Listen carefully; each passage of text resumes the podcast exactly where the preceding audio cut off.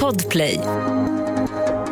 Hej och varmt välkommen till ännu ett avsnitt av podden Snutsnack med mig, Hasse Brontén.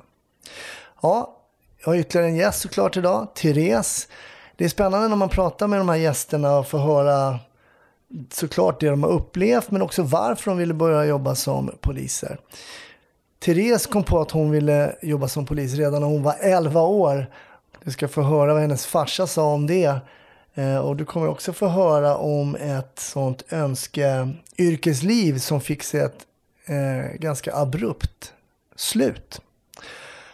Ja, de här eh, händelserna och minnena som man får upp när man pratar med gästerna är ju oerhört spännande. Och det är också de händelser vi får höra i Patreon-avsnitten. Det blir oftast ett extra case där och lite mer avslappnat surr kanske eh, på, på Patreon. Um, så om du vill eh, ta del av det så bli Patreon skulle jag säga. Eh, Patreon.com slash snutsnack. Men det är givetvis helt frivilligt att bli det. Annars finns vi på Facebook och Instagram. Men nu tycker jag att vi lyssnar till Therese eh, historia. Var försiktig där ute och ha en bra lyssning. 1310 kom. 1310 Odengatan kom. Ja, det är uppfattat. Vi tar det. Slut. Bra. Klart slut. Varmt välkommen till Snutsnack, Therese. Tack så mycket. Hur står det till? Det är jättebra. Ja, vad roligt. Du skulle, du, vi är hemma hos mig nu. Ja, det är vi. Du skulle ha dykt upp förra veckan, men du blev lite krasslig. Ja. Men det var inte covid. Nej, det var det inte. Det finns ju de här vanliga förkylningarna också. så att, Alla tror ju att de får covid så fort de får lite snuva. Liksom. Ja, nej, det var bara lite rassel och sen så gick det över. Ja, perfekt. Eh, vi har inte pratat så mycket innan, men jag vet att du pluggade till polis i Umeå i alla fall. Ja, men det stämmer. Eh, Jag pluggade mellan 2005 och 2007 Mm. i Umeå. Hur var det att vara i Umeå? För du är inte Umeå-tös från början. Nej, jag är inte det. Jag är lite blandras brukar jag säga. Vad, Jag är född i eh, Värmland men eh, uppväxt i Märsta. Jaha, okej. Men under tiden som jag pluggade till polis så bodde jag i Helsingborg. Ah. Men oj, du kunde inte försöka ta det ännu längre från Umeå än Helsingborg? Nej, det känns så långt bort som möjligt. Ja. Nej, eh, jag provade att få Växjö, men det gick inte. Ah, okej. Eh, Jag fick först nej på ansökan, men sen ringde de och frågade om jag ville ha en plats. Och då fanns det Umeå kvar. Och för mig fanns det inget alternativ, jag skulle ju bli polis. Så Och- att, eh, kom in där. Du skulle bli polis. När dök den tanken om att jag ska bli polis? Jag var 11 år. Ja, Det, det det är väldigt klart. Wow, det är tidigt alltså. Ja, jag stod och ryckte min eh, lärare, Kristel Hamilton, ifrån Västerstrandsskolan i Karlstad i kjolen och sa att jag ska bli polis. Och hon bara skrattade. För jag var väldigt busig när jag var liten. Okej. Så, för vi hade, vi hade sett en hundförare som sökte rätt på narkotika i en bil. Och det tyckte jag var jättehäftigt. Som kom till skolan och visade Ja. liksom. Oj, så det, det är intressant att en sån, eh, en sån grej kan liksom ändå sätta en sån prägel på en 11-åring då. Mm. Så att jag kom hem till pappa glad i hågen och sa att jag ska bli polis. Nej, ska du inte alls det. Uscha mig, sa han bara. Men farsan eh, fick inte sin vilja igenom där. Nej. Eh, han blev först besviken över att jag hade kommit in på Polishögskolan. Han sa det är så mycket slit och det kommer, det kommer bli jättetöligt och det är jobbigt och det är ua ja." Och han var så ojig så. Men eh, sen när jag väl hade börjat skolan, han var jättestolt. Var Ja. han. Så, och är fortfarande. Men hur var det där då? 11-åringens dröm liksom, när du var färdig och var ute och jobba. Levde du upp liksom till 11-åringens förväntningar? Nej men det gjorde det till en början ja, faktiskt. det gjorde det. Ja, eh, jag tyckte det var jätteroligt. Eh, Jag började i Södertälje. Mm. Eh, Hovsjö, Ronna, alla Okej. de ställena. Ja, det fanns det att göra kan jag tänka mig. Det gjorde ju det. Så det var, det var fullt ös från första dagen. Mm. Hur var det att komma ut ny, liksom helt nybakad till Södertälje? Hur blev du mottagen där? Ja, alltså kollegorna i Södertälje har ju varit och är fortfarande fantastiska. Eh, fick ett otroligt varmt bemötande, fick en skitbra handledare som manade på mig och pushade mig och tog bort den här första rädslan som man ändå fick för man stod ju och skakade lite. Bara, Åh, vad ska jag göra? Och så alla paragrafer och lagstöd och, och sånt där. Ja, men det är lugnt, vi tar det här sen. Vi tar backspegeln sen. Liksom. Ja, just det. Just det. det är viktigt med bra handledare har man ju förstått. Ja, eh, han var... Och han, han är fortfarande tuff tycker jag, Johan. Han är bra. Ja. När du säger tufft då, vad menar du? Hur är han då? då när han är Men han är liksom... Han är glad och positiv, men han pushar en när det behövs. Mm, Eh, och han, han har koll, Okej. har han. Så skönt med folk som har koll överlag, alltså inte bara inom polisen. Jag tycker att jag är den som... Det är alltid de som har haft lite bättre koll än mig, känts Mm. som. Men hur länge blev du där i, i Södertälje då? Du var, kom ju på ordningen antar jag och fick sätta på uniformen och ut och jobba så. Mm. Eh, där var jag fram till eh, februari 2008. Jag hade min familj nere i Skåne, Mm. i Helsingborg. Så jag begärde förflyttning ner till Helsingborg. Kom dit 2008 och började på ordningen där, i turlag. Och ehm, ja, det flöt på. och sen så närpolisreformen som började igen. Mm. Så då blev jag placerad i Landskrona Okej. tillsammans med några andra kollegor från Helsingborg. Mm. Och där var det ju ganska stökigt. Ja, men det har man ju läst om mycket i Landskrona, att det har varit lite stökigt till och från där. Mm. På vilket sätt skulle du beskriva att det var stökigt då? Vi hade ju vansinnigt mycket rån under en period.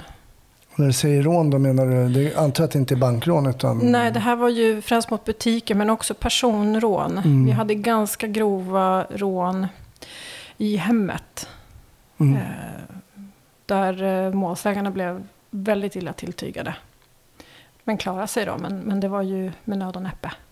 Att Man helt enkelt på något sätt söker upp människor som sitter på någon form av tillgång hemma. Om det är liksom kontanter eller juveler eller något sånt där då. Det var oftast, eh, det var någon eh, jordgubbsbonde om man säger så. Han odlade jordgubbar. Mm.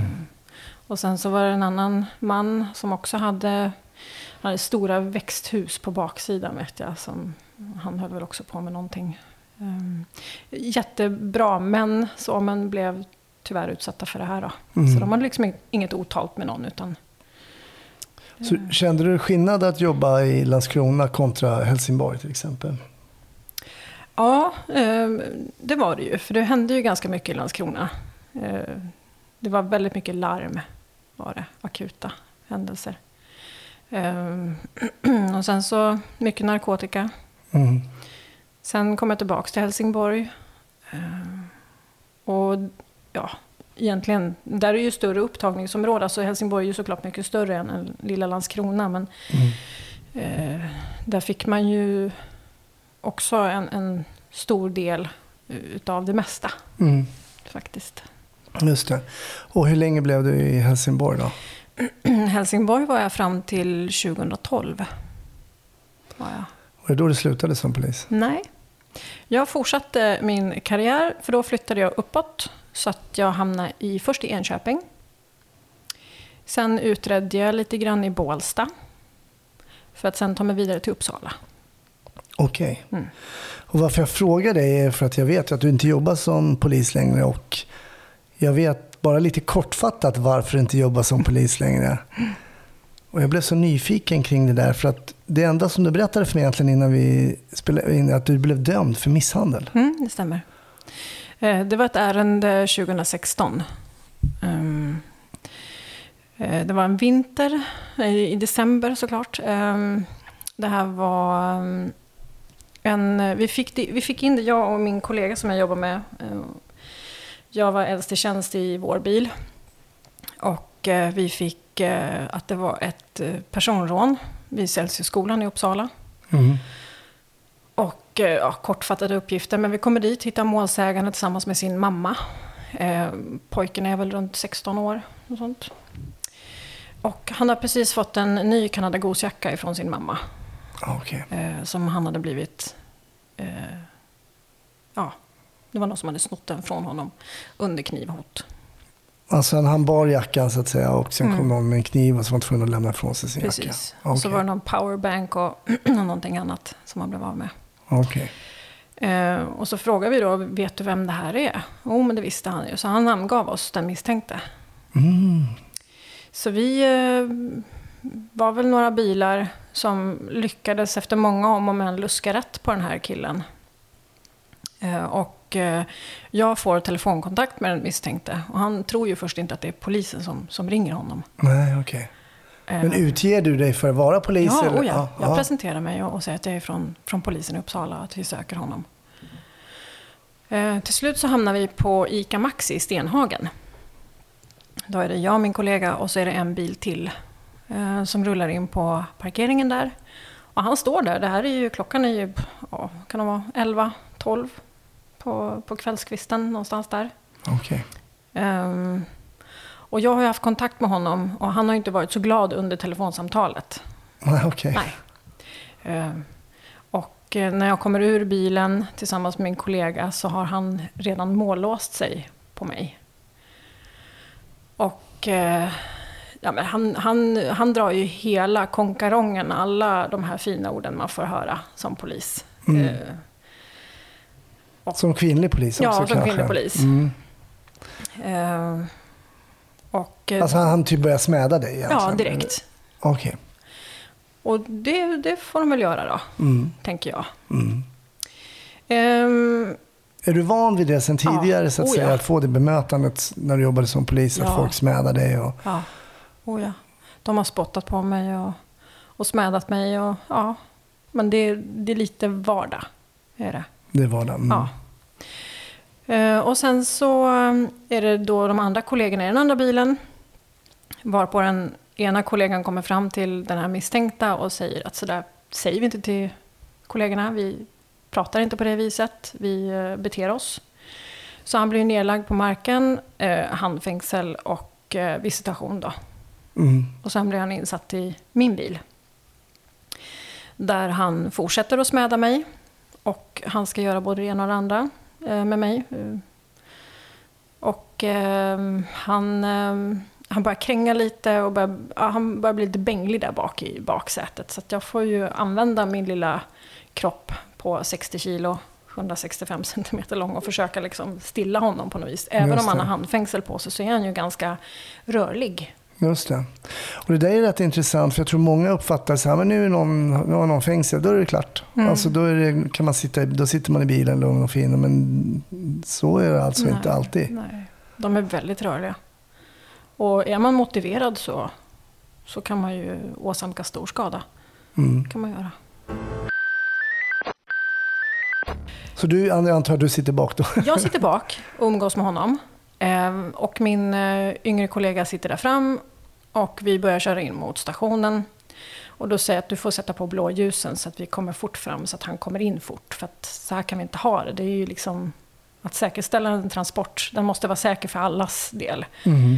Ehm, så att vi kör in med blåljus, kommer in i arresten och Uppsala har ju eh, ett ganska dåligt arrestintag. Mhm. Eh, Vi kommer in i ett garage och där är en hiss som man ska gå in med den misstänkta. Det är kameraövervakning och hela den biten, men man måste liksom ringa upp via Rakel för att få komma upp. Okej. Eh, Och stå ensam, eller ja, nu är jag och min kollega då, men, stå med en eh, misstänkt. Nu var inte han så stor då, men, men ändå. Ja. Mm. Det är en säkerhetsrisk. Mm. Kommer upp i arrestintaget, eh, sätter honom på bänken. Han fortsätter ju att smäda mig hela tiden. Det finns liksom inget stopp på honom någonstans. Känner du att det här påverkar dig? Ja, det gjorde ju det till slut. Mm. Ehm, Min kollega står passivt bredvid och gör inte många eh, försök till att liksom prata med honom eller att försöka få en dialog med honom överhuvudtaget och flytta fokus. För många gånger så handlar det om att fly- flytta fokus att man kan bryta den här dåliga spiralen av smädande eller aggressioner eller vad man nu kan ha. Liksom. Mm. Mm. Så jag sätter mig bakom plexiglaset och och börjar skriva in honom. och vakthavande kommer ut och gör bedömningen. Eh, Personrån och vi har rätt person och så vidare. Sen eh, så han fortsätter att smäda mig och så till slut så går jag upp ifrån min stol och sen så går jag fram till honom och så sätter jag mina händer på hans knä och så tittar jag på honom och så säger jag, men nu får vi lugna ner oss lite. Vi kan inte bete oss så här, här inne i arresten, det funkar liksom inte. Nej. Vad är det han säger då? Om du exemplifierar. Men det är liksom... Ja, men det är snuthora och snutfitta och jag ska knulla dig och du ska få se när jag kommer ut, jag ska ta dig och eh, jag ska ta reda på var du bor. Ehm, Så hela kittet? he, hela, hela alltihopa. Han missar ingenting. Nej. Gör han inte. Ehm, och sen så sa han, men provocera mig då din jävla fitta så ska du få se. Så jag bara, men lugn nu. Så jag reser, ställer mig upp igen och så ska jag gå tillbaks till inskrivningsstolen. Och då säger han, ja men vänta du bara, jag ska ta dina jävla ungar som går på Stenhagaskolan. Och det var där jag kände att men nu räcker det.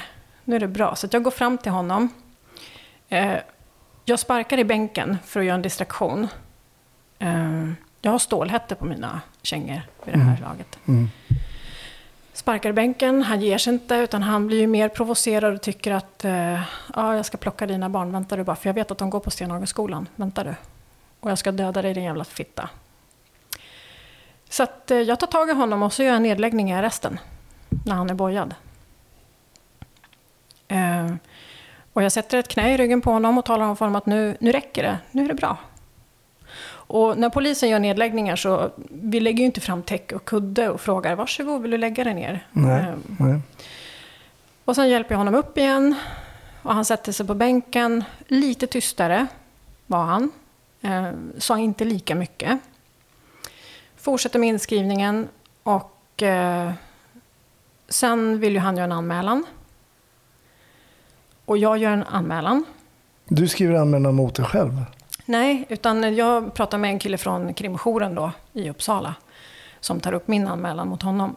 Med Ah, okej. Våld och hot mot tjänsteman. Ja, okej. Mm. För att det är väl så, och det har väl alltid varit så att ett anmälan mot en polis måste ett befäl eh, ta upp va? Jag har i alla fall en kollega från en annan enhet och sen Mm. så får befälet då göra bedömningen, Mm. misstänker jag. Jag har inte behövt göra det tidigare, Nej. vad jag vet. Eh, jo, en gång, men det, det var länge sedan. Så, ja. Eh, I alla fall, ehm, sen, eh, ja, jag åker hem eh, efter passet. Och sen så ringer min kollega till mig, min yngre kollega då, som jag har jobbat med under det här passet. Och säger, frågar om jag är hemma. Så jag bara, ja, jag är hemma. Hon kommer hem till mig och säger att ja, men det, det har skett en anmälan mot dig. Så jag bara, ja men det vet jag. "Ja, Och den kommer att gå vidare.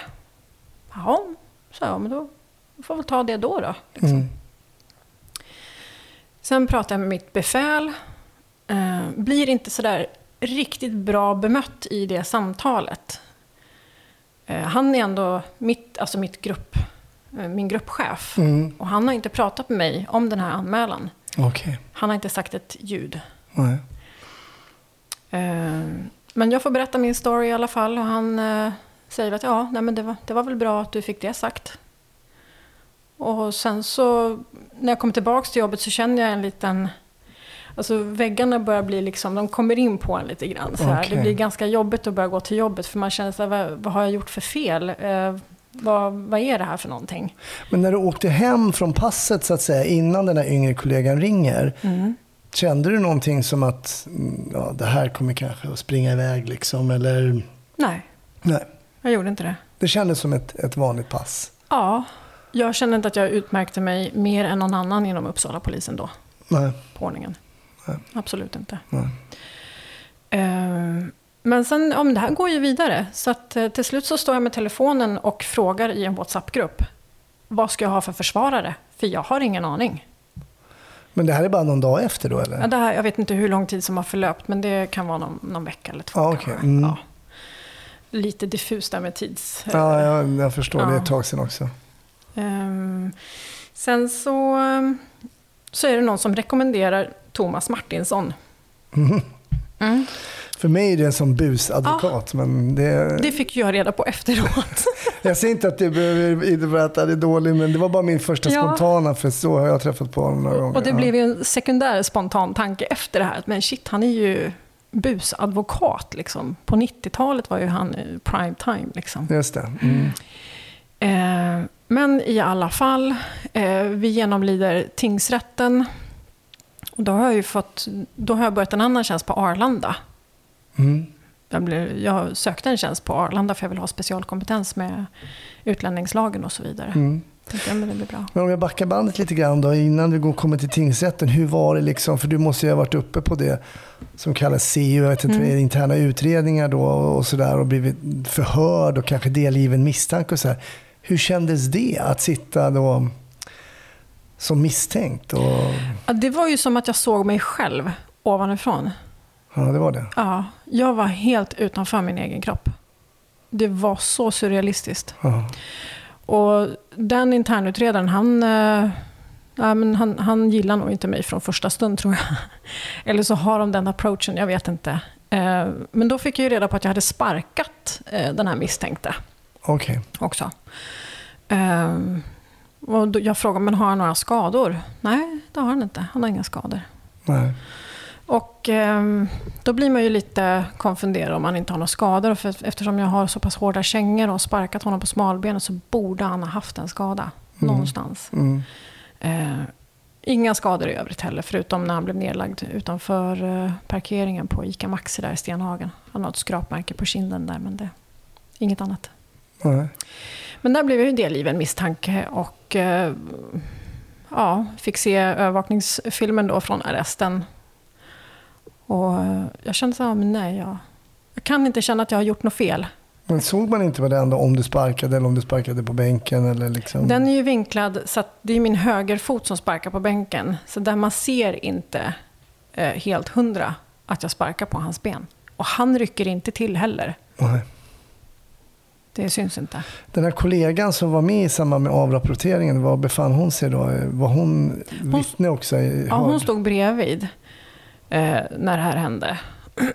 Hon stod på min vänstra sida och inskrivningsbänken är på höger sida. Så att, ja. Ehm, men ja, när hon blev ju uppkallad som vittne i rättegången. Mm. Och hon, hon refererar bara till sina eh, PM som hon har skrivit. Mhm. Hon sa ingenting annat i rätten. Och vad hade hon skrivit i sina PM då? Ja du, jag kommer inte ihåg det idag. Nej. Jag har lagt det här bakom mig. Mm. Jag har gjort. Men vad, hur löd domen i tingsrätten då? Eh, ja, tingsrätten dömde mig eh, till normalgraden av misshandel. Eh, och eh, jag tror att, jag vet inte om, om Karin Götblad som då var vår chef i Uppsala, om hon satt och lyssnade på det här någonstans. För att i, i samma veva så fick jag ett brev hem. Mm. Eh, att eh, är det så att eh, jag döms för normalgraden av misshandel så kommer jag bli avskild tjänst. Och eh, är det så att det blir ringa misshandel så får jag ha jobbet kvar. Men eh, det var liksom underskrivet och klart redan. Mhm. Men det är väl ansvarsnämnden där då som, som det finns väl inte någon som heter PAN? PAN, ja. mm, Mm. Polisens ansvarsnämnd som går in och kikar på det där. Och så, Okej, så du fick reda på det, så du visste vad som gällde då? Ja, jag blir ju förvarnad. Mm. Mm. Men så finns det ju också en andra instans, eh, hovrätten. Mhm. Och eh, jag kan tänka mig att ni överklagade. Ja, det gjorde vi. Mm. Eh, under den här processen så har jag ju försökt att byta försvarare. Mhm. För jag ansåg att Thomas Martinsson inte hade gjort det han skulle göra. Okej. Ehm, jag har aldrig blivit anmäld tidigare eh, av den här kalibern. Nej. Aldrig. Jag blev anmäld av en annan kille för länge sedan. Men det gällde att jag hade ringt Försäkringskassan och anmält honom som bidragsfuskare. Okej. Och det blev han arg på. Mm. Annars ingenting. Ehm, jag försökte byta försvarare och de sa blankt nej. Mhm. Fick ingen rätt till det. Okej.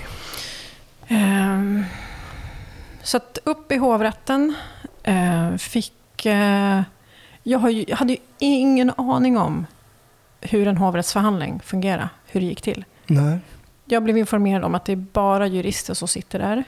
Eh, och eh, att det, målsäganden då, i det här fallet, han behövde inte vara med. Nej. Och det var han inte heller. Åklagaren var med och målsägande beträdet var med. Mm. Jag satt där med Thomas Martinsson. Gjorde jag. Eh, jag hade några kollegor och några ifrån Polisförbundet med mig. Eh, för de tyckte att det här, det här stämde inte riktigt. Det var inte riktigt rätt. Eh, med tanke på hur samhället ser ut och vad som hade skett i arresten och så vidare. Och sen så fick jag hjälp av en dåvarande familjemedlem hur jag skulle anföra mig i hovrätten, liksom, vad man skulle Mm. säga och tänka på och så vidare. Just det. Men när jag väl skulle börja dra upp det här så blev jag stoppad av ordförande i, i hovrätten. Det, nej, du får inte nämna någonting om fallet. Du får inte säga någonting om vad som har hänt. För det, Det har inte med saken att göra med någon på att det, saken har redan bevisats. Eh, så att här behöver du inte berätta om själva händelsen eller vad som har skett utan allting runt omkring. Så, då vet inte jag vad jag har att säga, sa jag. Jag vet inte. Så jag fick ingen hjälp ifrån Thomas Martinsson, det kände jag inte. Men vad, vilket antiklimax att ha en, en liksom namnkunnig advokat och så känner man att man inte liksom får den hjälpen som man skulle vilja ha. Mm. Så vart en oerhört frustrerande känsla. Ja, faktiskt. Då hade jag en sambo som var, han var fantastisk. Han sa ju det, hörru du Martinsson, nu är det A-game, sa han. Nu får du kavla upp armarna, sa han. Men det gjorde han inte riktigt. Så du blir dömd i hovrätten också? Ja, jag blev ju det. Normalgraden också då? Ja, det blev det. Så att eh, jag fick ju... Det var så mycket som gick genom huvudet. För att det handlar inte bara om att gå polisskolan, ta examen och jobba som polis. I allt det här så man, man offrar så mycket. Eh, I mitt fall så blev det jag offrade en, ett, ett äktenskap. Mhm, Så jag skilde mig under tiden. Eh, vårdnadstvist. Eh, massa andra privata saker som händer såklart. Mm. Eh, ensamstående mamma med treskift. Kommer jag hem eller inte? Ja, det. Så det, det är ju inte bara att man hölstrar på och sätter sig i en bil och jobbar. Utan det är så Mm. mycket mer runt omkring. Mm. Och många gånger så blir ju familjen lidande. Mm. Och, ja, Ja, vi har pratat om det i podden tidigare, att liksom treskift och familjeliv är inte alltid så här 100% kompatibelt. nej. Eh, Och det, är, man får, det är ett familjepussel som liksom är upphöjt till två lite grann om man jämför med de som gör 9 to 5. Alltså där Mm. vet att de, Ja, och sen ska man ha övertidsrapportering och det, man blir kvar och det är ett case som precis en halvtimme innan man ska sluta om man har bestämt tid med någon. Jo, tack. Så att det, Ja. det var tufft att, att vara ensamstående med, med två söner varannan vecka. Men också väldigt tufft det hela här du sa, du kände inte till hur det var i hovrätten och sådär. Det har ju varit uppe nu, snurrat på sociala medier, en som står liksom rätt upp i ansiktet på en polis. Och jag vet inte om du har sett det klippet. Och berättar att han ska peppra honom och Mm. kalla honom för ena och andra. Han står helt liksom, gör ingenting. Och folk har blivit oerhört upprörda att det liksom inte händer någonting. Men jag kan tänka mig att effekten av det som händer dig också påverkar då de kollegorna som du har jobbat med Mm. som sen är kvar så att säga. Ja, men det, det har det gjort. Ehm, absolut. Jag har ju en väldigt god relation till en gammal kollega från Uppsala. Mm. Ehm, som jag faktiskt måste bara få höja lite. För han, han har varit fantastisk. Mm. Ehm, Fritte Värmum som är klockren. Nu jobbar han i Stockholm, men Okej. ehm, han har varit ett superstöd. Han varit. Och tycker att det här är för jävligt och så vidare. Och han Mm. sa, men det här är inget konstigt. Det här är inget annorlunda. Alltså jag tänker, nu började jag lite tidigare, jag var färdig 91 och började på Norrmalm. Alltså det var ju på en helg och när någon började stöka och skrika inne på arresten på Norrmalm, det är bara, folk åkte, åkte ju ner i backen var och varannan minut och inkastade i cell för att de inte kunde bete sig och så vidare och så vidare. Eh, och jag säger inte att det var liksom en, eh, nödvändigtvis något övervåld utan det var liksom så här, man står inte och viftar, man beter sig inte, man smädar inte liksom och sådär. Det påminner mig också om ett fall eh, kring en klasskompis som jag hade på polisskolan som blev dömd också. På Norrmalm fick man också gå in i hiss. Mm. Och, så, och det, det är eh, utöver det du nämner att det är en säkerhetsrisk liksom, så, är det bara ett stort, stort strul. Ja. Vi behövde inte gå via Rakel eller radion för att få ut. Vi kunde bara trycka på en hiss och sådär men så ska vi in folk i hissen. Och, ah. och då var det någon, han blev också dömd för misshandel och avskedad för han, han hävdade att han höll en persons huvud som då spjärnade emot, släppte och så åkte in. Ah. Men någon annan hävdade att, eller att han slog det där. Och, ja. Så det påminner mig lite. Men då måste jag fråga dig. Den här 11-åringen då som drömde om att bli polis, berättade för pappa, vill bli Mm. polis. Sen kommer domen och landar. Först från tingsrätt, sen från hovrätt och då vet du. Mm. Och sannolikheten att man skulle ta upp till en högre sta- instans. eh, Ja, De gjorde inte säga- det, vi provade. Ni Men, provade, ja. Såklart. Hur, hur beskriv den känslan? Ja, eh, bitterheten fick ju ett fotfäste i mig som heter duga. Ja, det var så. Ja, jättebitter och besviken. Besviken på, på ledningen, jag blev besviken på mina kollegor. Min kollega som jag jobbade med den kvällen och natten. Eh, blev besviken på hela systemet, rättsprocessen. Eh, besviken på min försvarare. Eh, det blev otroligt mycket negativt. Mm. Men samtidigt så kände jag som så här, okej, var sak har sin tid. Nu är det min tid att byta. Mm. Okej, om det här inte hade hänt, det kanske hade hänt någonting ännu värre. Mm. Jag kanske inte hade kunnat komma hem till mina barn en vacker dag. Just. Mm. Så att man, man får tänka, okej nu stängs det här fönstret. Vilket annat fönster är öppet? Hade du en... För jag menar, du, om, när domen landade från tingsrätten, då började du liksom så här, um, landsätta en plan B på något sätt. Jag tänkte om det bedömde även i hovrätten, då ska jag göra så, så, så. Eller Mm. ja, du, du, du satte igång en plan B liksom? Oh ja. Ja. Så att jag utbildade mig till massör. ja. starta eget. Ehm, Jag lämnade Arlanda-polisen den 18 november 2018. ja. Gjorde jag. Och då hade jag sagt upp mig. Okej, du insåg att jag Ja. kommer ändå få kicken. Ja, så ja, ja. då- Så att, eh, nej, nej. Den värdigheten vill jag ha kvar liksom. ja. Att, eh, Jag sa upp mig, eh, sa hej då och stängde polisdörren liksom. Så, så var det för mig. Mm. Och sen så satsade jag på eh, hälsa och friskvård. Utbildade mig till massör, startade eget och började jobba på en skönhetssalong i Barkarby. Som gick väldigt bra. Eh, jag hade sjukt mycket att göra. Mm. Och sen så, av en händelse så var, var jag på en kryssning med Birka Cruises privat. Och så tänkte jag, undrar hur det är att jobba på båt då? Kanske kan vara trevligt. Så att, eh, jag frågade min massör, söker ni massörer? Ja, ja, visst gör vi det, sa han. Det, vänta ska vi se. Så jag fick ju prata med chefen och ja, efter många moment så frågade de, kan du komma imorgon och provkryssa? Okej. Ja, men jag, jag kommer. Så att jag provkryssade och eh, sen blev jag eh, en sjöbjörn i ett och ett halvt år. Jaha, oh, wow. Mm. Hur var det här att inte längre liksom ha lägget? Alltså, inte, alltså den, det finns ju någonting så här, identiteten. Mm. Jag kommer ihåg, jag vägrade nästan lämna ifrån mitt lägg. Fast jag hade ju också sagt, sagt upp mig. Men jag fick ju så brev hem. Om du inte lämnar från dig lägget så kommer vi typ hämta både dig och lägget.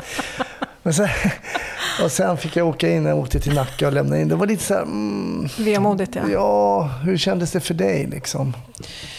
Med tanke på vad som hade hänt så, och jag var så besviken på själva myndigheten Mm. så var det inga problem. Okej. Nej. Eh, däremot, så, och jag kan fortfarande få doften i näsan. Just det här när man har, man har haft utsättning, man hölstrar på och allt det här och, och gör ordning insatsväskan och eh, ska sätta sig i bilen. Så är det alltid någon som muttrar. Bara, Fan, det är inte någon som har tankat bilen. Får vi börja med att tanka bilen? Och, bilen är skitig och hela den biten. Men just när man sätter sig i passagerarsätet eh, eller i förarsätet och rättar till liksom, kopplet. Och sen så drar man på säkerhetsbältet. Och sen så ropar man upp till, då heter det ju KC, men nu är det ju RLC. Mm. Ja, numret på bilen. Så bara, ja men då rullar vi ut. Det är inspektör Holmstedt och ja, P.A. Karlsson som sitter i bilen. Eh, kör till 07, klara lediga, slutkom. Just det där, Den känslan. den känslan. Att vara tillgänglig. Liksom. Ja, att få sätta sig i bilen med en kollega och vetskapen att skulle det skita sig så är jag redo att ta en kula för honom eller henne och vice versa. Mm. Det är en ganska stark känsla. Mm. Eh, och just, just det där lilla, det är få sekunder det handlar om. Mm. Men den sitter fortfarande kvar. Och den kan jag sakna oerhört. Mm, det, it, bring, it brings back memories. Ja, men det är sant. Det är att komma upp ur garaget där liksom. Mm. Och, ja. ja, speciellt. Vilken story alltså. Men du säger att den här bitterheten, hur, facket då? Ja, du ska ju vara med i facket, vi hjälper till om liksom, det Mm. går snett och så här. Vad, vad gjorde de då? Facket försökte hjälpa mig så gott de kunde. Eh, Jag hade en god kontakt på Arlanda-polisen. Mm. Men tyvärr, Nej, de kan ju inte heller hindra Nej. en rättsprocess. de liksom. kan ju inte det. Men de var faktiskt med på rättegången. Ja, de var det. De var faktiskt det. Det var Mm. tre personer ifrån Polisförbundet. Min chef från Arlanda och min gruppchef på Arlanda-polisen också. Mm. Som var med. Tillsammans med några anhöriga. Ja, det, låter ju, det här ärendet låter väldigt intressant. Den här då, mm, eh, eventuella sparken då som på- påstås ut, som ing, inga skador överhuvudtaget. För de, hade han besökt så att någon, hade man gjort någon, någon rättsläkare, alltså fotat eller hade han några skador där på, på nacken eller var det några skador som han hade fysiskt efter som han hävdade? Nej, jag trodde man hade gjort en, en, eh, en ganska enkel okulärbesiktning. Jag tror inte att han var inne på rättsmedicin. Jag ska låta det vara osagt egentligen, för jag kommer Mm. inte ihåg. Nej, Men han hade inga skador nej, av, av det jag skulle ha orsakat då. nej. Just det. Men eh, åh, det, det liksom känns nästan svårt så här. Men kommer du ihåg någon händelse från din polisiära karriär som, du, som stack ut? Jag brukar alltid ställa det till mina gäster. Det, ja, det känns Utöver den nästan... här, ja. ja, det känns faktiskt nästan lite, ja, lite konstigt att, Nej, men- att- ställa den frågan. Men efter du har berättat det här, bara innan jag ställer den ändå då. ehm, hur känns det idag då när du ser polisbilar? Hur, du berättade att bitterheten i början var liksom väldigt, väldigt stark. Hur är det idag då, 2021?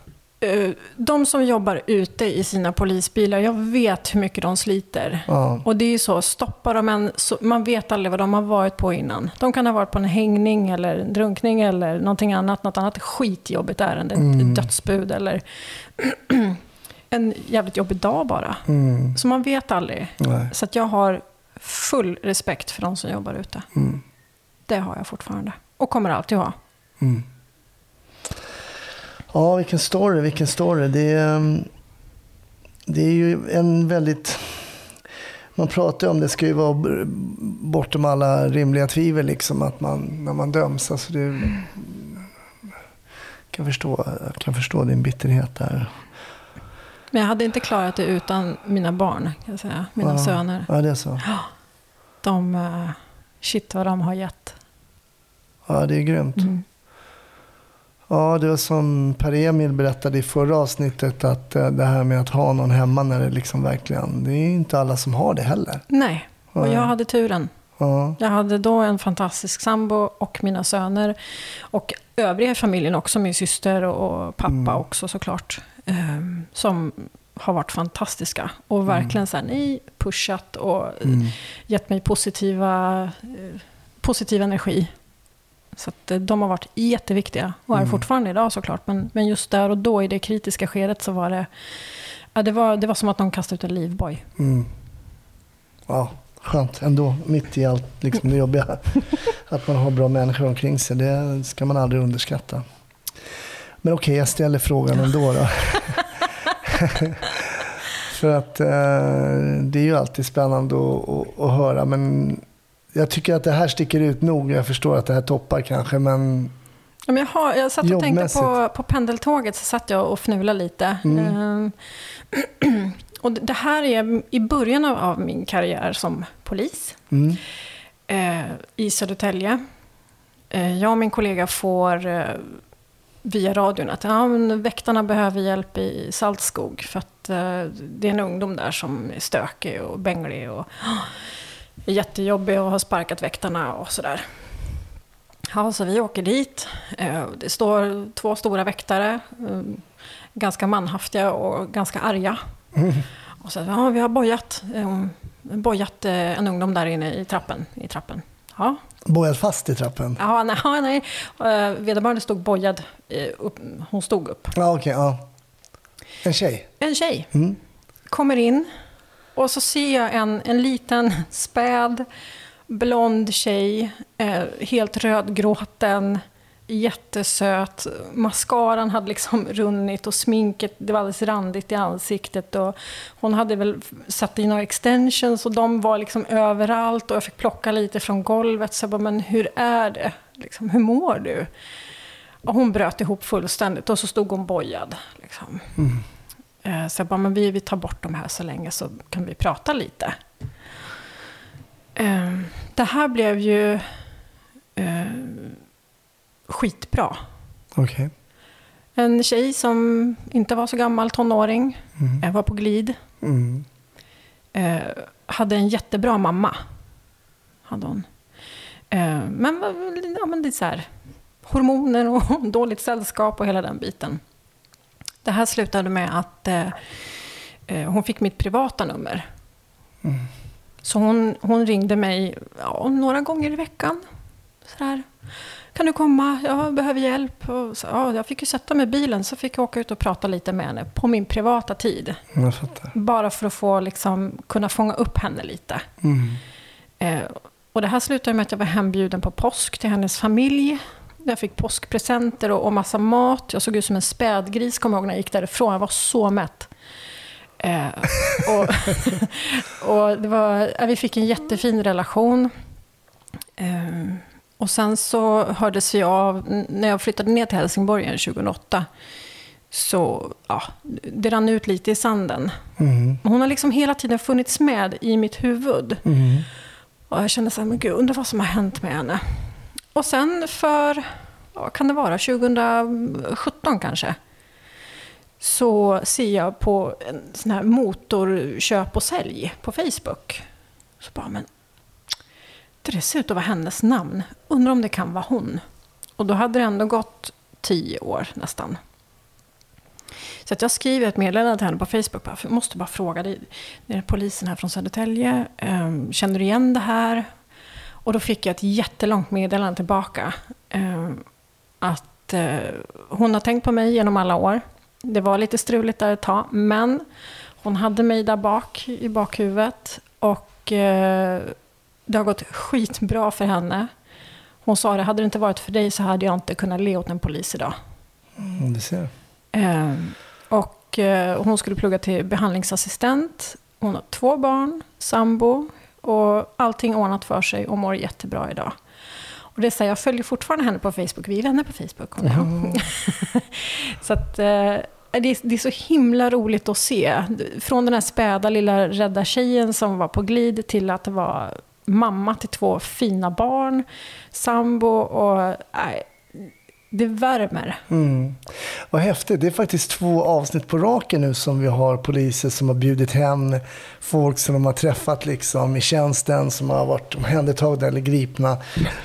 Och det tror jag inte att det är många som förstår där ute. Att det fast- faktiskt finns eh, poliser som liksom sträcker ut en hand, hör av sig på fritiden och så vidare. och så vidare. Det är i alla fall definitivt inget man skriver om i kvällspressen om att Nej, poliser nej. gör. Det är totalt ointressant med poliser som är snälla och beter Mm, sig. Liksom. Det ska vara onda konstaplar som, Mm. som säljer klick och, och, och, och sådär. Ja, men vad skönt. Då fick vi ju då, då fick vi liksom avsluta på en high note här på något sätt. Ja, men faktiskt.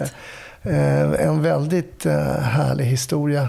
Jag tänkte ändå, vi ska prata vidare sen i Patreon-avsnittet. Då ska du få berätta, du åkte på ett mord när du jobbade på krimjouren i Helsingborg. Ja.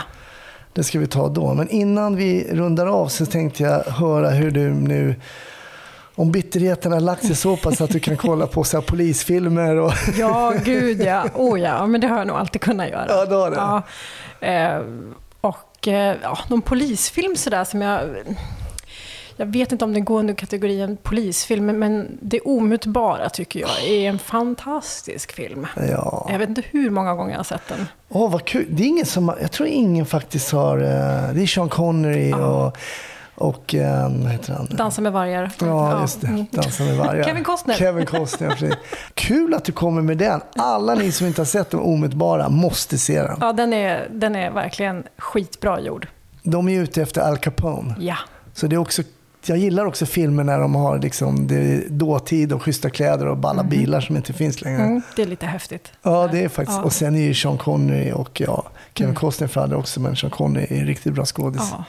Det är inga dåliga skådisar i den. Nej, så att, eh, nej, varmt, varm- kan varmt rekommendera den. Vilket, vilken bra rekommendation. Jag blir sugen att se den själv nu. Therese, stort tack. Eh, vilken eh, intressant historia du berättade.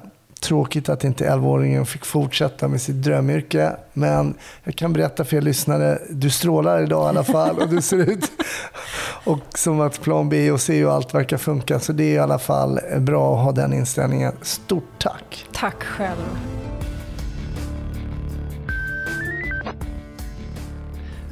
Stort tack! Snutsnack är över för den här veckan, men vi är tillbaka i nästa vecka. Ny gäst, nytt spännande samtal. Hoppas du är med då. Glöm inte att bli Patreon. Patreon.com snutsnack. Ha det fint! Hej då!